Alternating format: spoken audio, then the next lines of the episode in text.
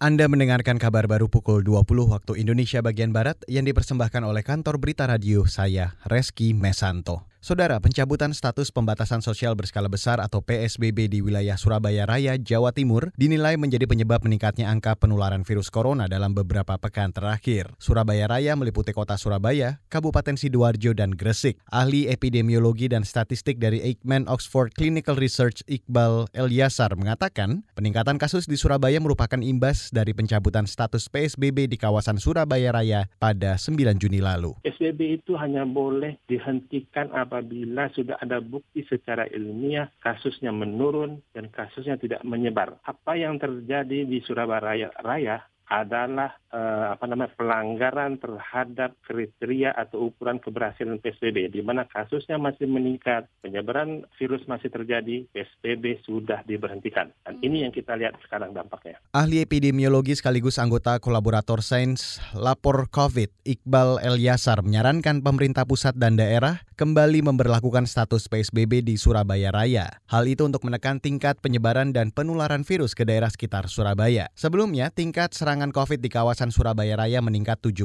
persen pada dua pekan setelah PSBB dihentikan. Beralih ke informasi selanjutnya, pemerintah Provinsi DKI Jakarta memberlakukan larangan penggunaan kantong plastik sekali pakai saat belanja baik di pasar tradisional maupun pasar modern. Gubernur DKI Jakarta Anies Baswedan mengatakan, larangan itu bukan untuk mendorong toko menjual kantong ramah lingkungan, melainkan untuk membiasakan masyarakat menghindari penggunaan plastik sekali pakai yang merusak lingkungan. Jadi belanja itu membawa kantong sendiri. Justru itu yang dianjurkan. Semangatnya bukan semangat untuk mendorong toko-toko menjual kantong ramah lingkungan. Bukan. Semangatnya adalah mengurangi adanya sisa. Kalau belanja bawa kantong sendiri. Bila tidak bawa kantong sendiri, maka bisa membeli. Karena itu toko-toko berkewajiban untuk menyiapkan kantong ramah lingkungan, tapi tidak disediakan terserah tokonya. Gubernur DKI Jakarta Anies Baswedan menambahkan, setelah larangan penggunaan kantong plastik diberlakukan hari ini, pemerintah DKI akan mengawasi perilaku masyarakat saat belanja secara bertahap. Larangan penggunaan kantong plastik itu tertuang dalam peraturan gubernur yang ditekan tahun lalu. Sanksi bagi toko yang melanggar larangan itu adalah teguran lisan sampai denda sebesar 25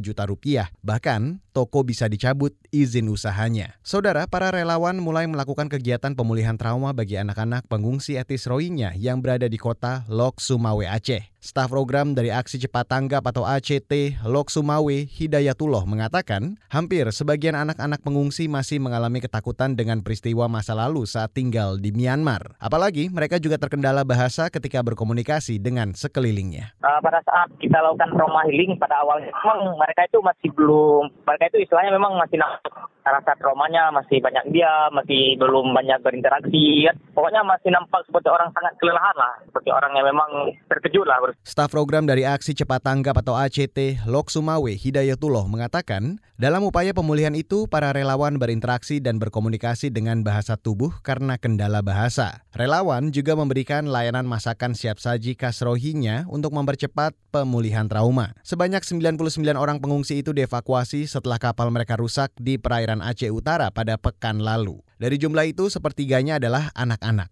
Demikian kabar baru KBR saya Reski Mesanto.